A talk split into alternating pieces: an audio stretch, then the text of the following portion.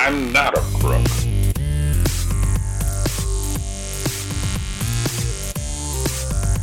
But because they are hard.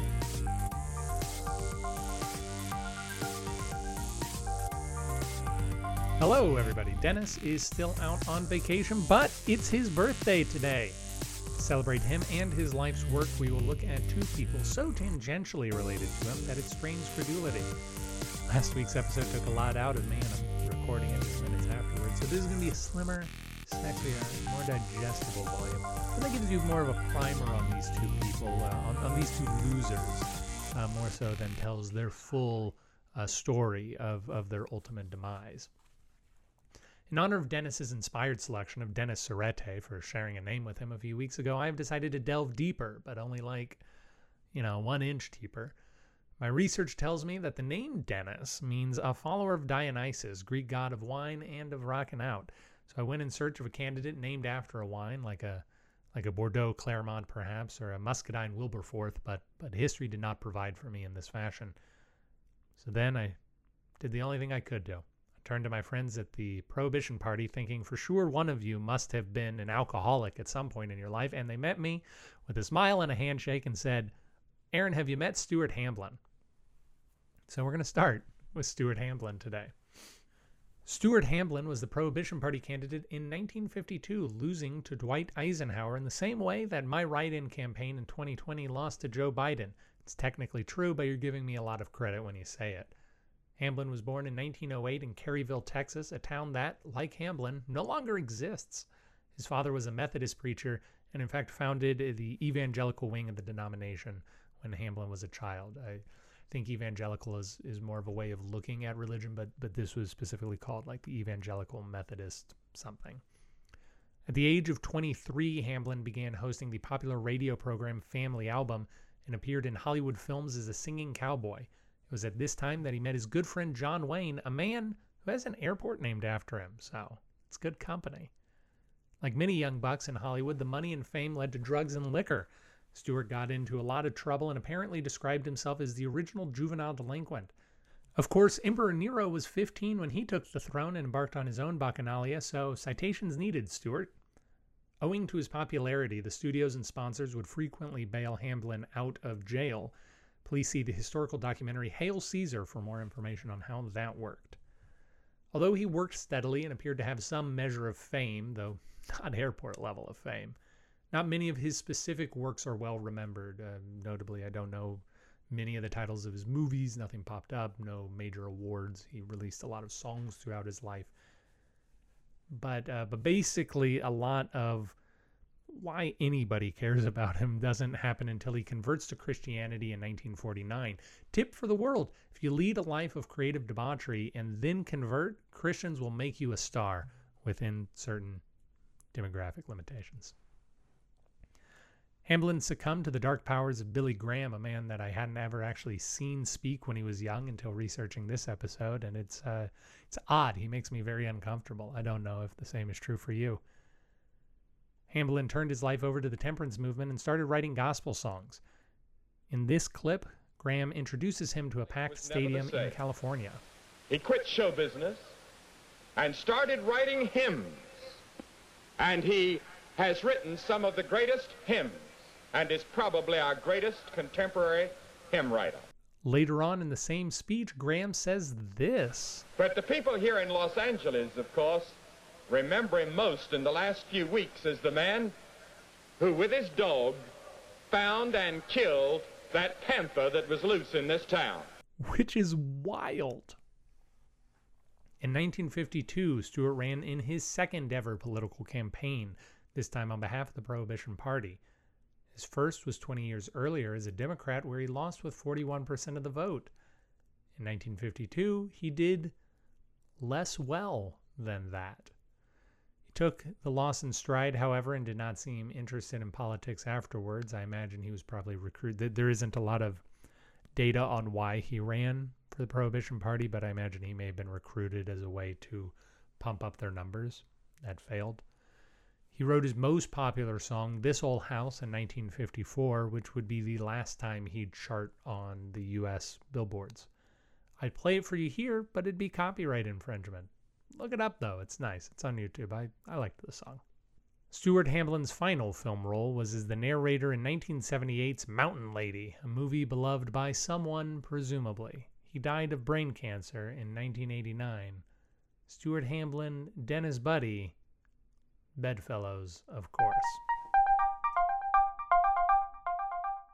Speak softly.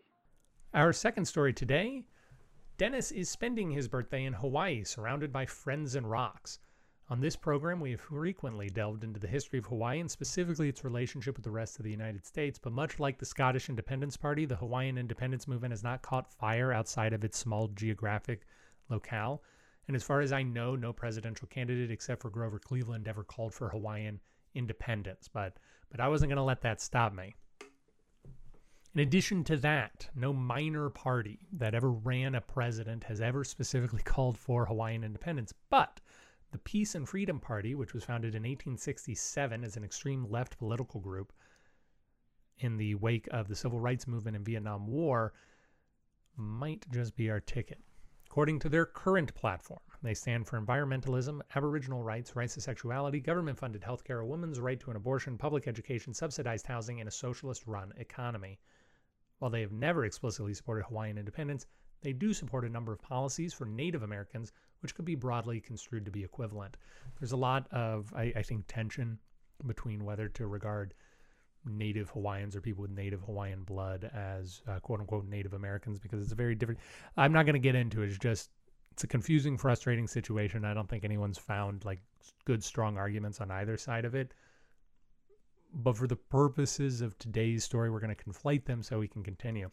As it happens, the Peace and Freedom Party, which has run a presidential candidate in every presidential election since 19, uh, 1968, I suppose that would be, um, did in fact run the first person of Hawaiian residency for president, as far as I know, which means that it is finally and unfortunately time to talk about Roseanne Barr, which I knew we must always reach eventually. While Roseanne Barr has lived a life as worthy of examination as any other person, I am not especially interested in doing deep research on her, so we are going to give a cursory glance of her life before focusing primarily on her run for president and other political ambitions centering around the year 2012. Roseanne Barr is a comedian, actress, and amateur provocateur born in 1952 who rose to fame as the main character of Roseanne, a show that ran in the late 80s and early 90s and at the time was one of the few depictions of working class blue collar people. She won an Emmy for her work on this show. I don't, I don't, guys, guys, I don't like indulging petty grievances against candidates. You know that's not me. I'll usually go out of my way to defend people most of the time. But uh, Roseanne really insults writers, and I am one, so I'm going to indulge myself this time. During her time on Roseanne, she complained that the show did not credit her as a creator, despite the fact that she did not write the show, which is how you become the creator. She reportedly made writers wear placards with numbers on them right around their necks so she wouldn't have to pretend that they were people and could call out a number instead of learning people's names. I don't like the woman. In the early 90s, Roseanne had an early brush with political infamy when she deliberately sang the national anthem poorly at a baseball game, ending the anthem by grabbing her crotch and spitting on the ground. Then President H.W. Bush called it disgraceful. Over the next few decades, the incredibly wealthy Barr would make television and stand up appearances, and is one of the few people who watch Disney's Home on the Range. I can tell you she gave a decent performance as a cartoon talking cow, for what it's worth. In 2008, she buys a large house in Hawaii. There's no record as to how the locals reacted to this carpetbagger. But what of Roseanne's political career? In 2011, in what I assume to be a joke, she says that she's forming her own party called the Green Tea Party and running for president. Shortly thereafter, she also says that she's running for Prime Minister of Israel. I don't know whether that's as a joke or not. In the same year, she publicly advocates for the beheading of American citizens during Occupy Wall Street protests. Again, that's probably as a joke. Probably. Who knows? She then decides to run, this is still 2011, 2012. She decides to run for the Green Party candidacy, ultimately losing to Jill Stein. Barr acts like a big old baby, making fun of Jill Stein and refusing a prominent speaking role at the convention.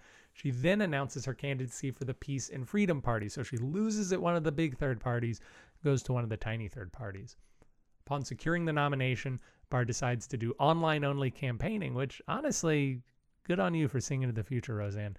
And this leads to quarrels with her vice president, Cindy Sheehan, who leaves the ticket, leaving Roseanne Barr with no running mate. In the election, Barr receives just north of 67,000 votes. But I'll tell you one person who didn't vote for her Roseanne Barr, who ultimately gave her vote to the winner of that election, Barack Obama. In fairness to her, Hawaii doesn't allow write in votes, so at the time she was not allowed to vote for herself because she did not qualify for ballot access in Hawaii.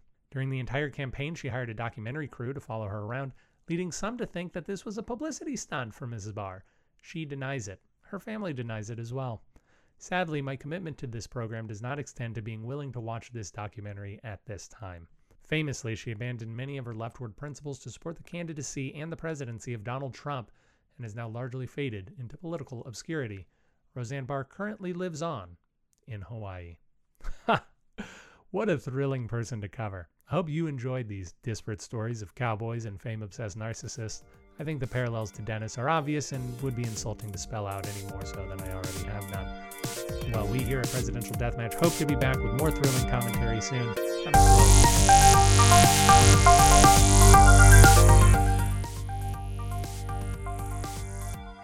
Thank you for listening to Presidential Deathmatch. Presidential Deathmatch is hosted by Aaron Garrett and Dennis Buddy and edited by Aaron Garrett.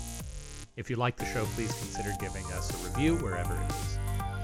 Do that, we'd really appreciate it. If you didn't like listening to the show, well, why don't you come on back and give us another try? We really grow on you. If you want to reach out to us, you can do that at contact at pronoiatheater.com. You can also support the show in a variety of ways, including at pronoiatheater.com slash store. We hope you enjoyed it, and we hope to hear from you soon.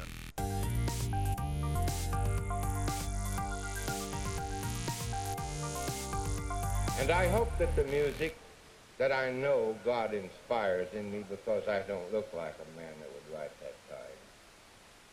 I hope it lifts people's hearts and is living proof that when a man accepts Christ, although he be a cowboy and a hunter, God does not change his face. He changes him inside. I would like to sing for you a song that I wrote years ago when John Wayne asked me if I didn't want to drink. And I said, no, John, it's no secret what God can do. And I'd like to sing the verses and ask you to join me in the chorus, please. The chimes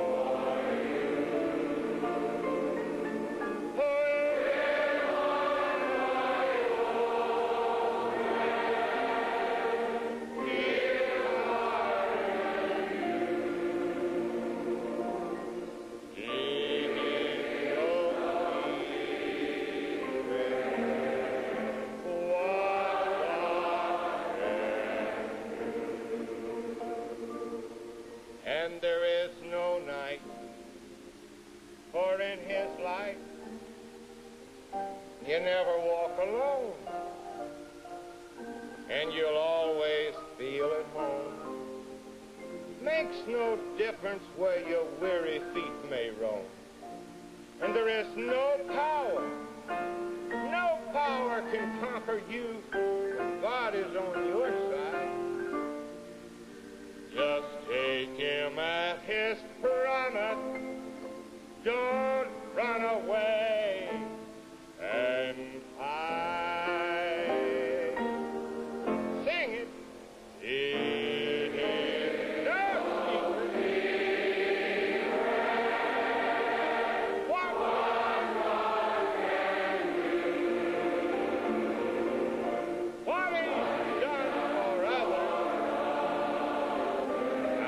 to say he can do for you too.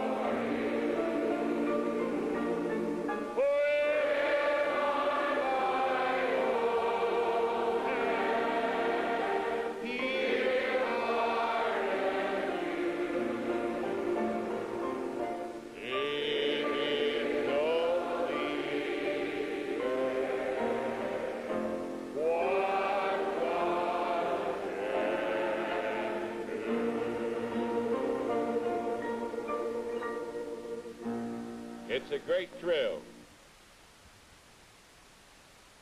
to hear you sing a song that bears my name as author. But it's a greater thrill to know in your own heart what you have just sang is true. God bless you.